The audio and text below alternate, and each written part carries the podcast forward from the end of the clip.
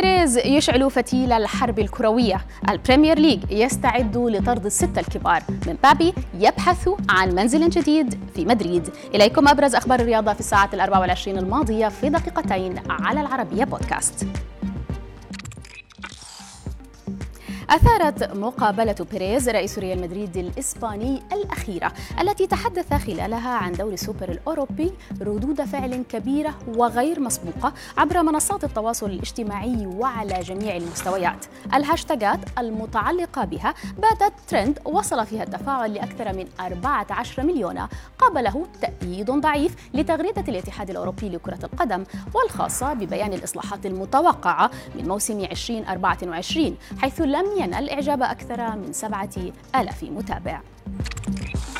إعلان تنظيم دوري السوبر الأوروبي قوبل برفض تام من قبل الاتحادات المحلية في أوروبا ورياضيين ومسؤولين من بينهم رئيس الوزراء البريطاني بوريس جونسون الذي لم يستبعد في تصريح رسمي له اتخاذ أي إجراء يهدف لإيقاف البطولة المستحدثة. تصريح جونسون أثار ردود فعل كبيرة عبر ال social media خاصة أنه جاء بعد اجتماع رابطة الدوري الإنجليزي الطارئ والذي شهد شهد مطالبة 14 ناديا بمعاقبة ما سمي بالسداس الكبير واستبعادهم من بطولة البريمير ليج.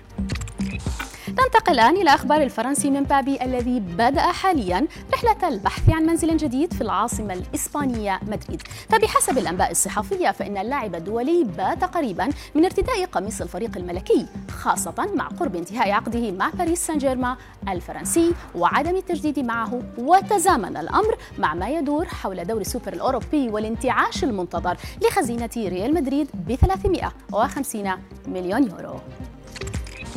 الختام مع أسطورة الجولف العالمية تايجر وودز الذي يعيش حاليا حالة صعبة ونفسية متدهورة في قصره الفاخر بفلوريدا بعد الإصابة التي تعرض لها فبراير الماضي نتيجة حادث مروري.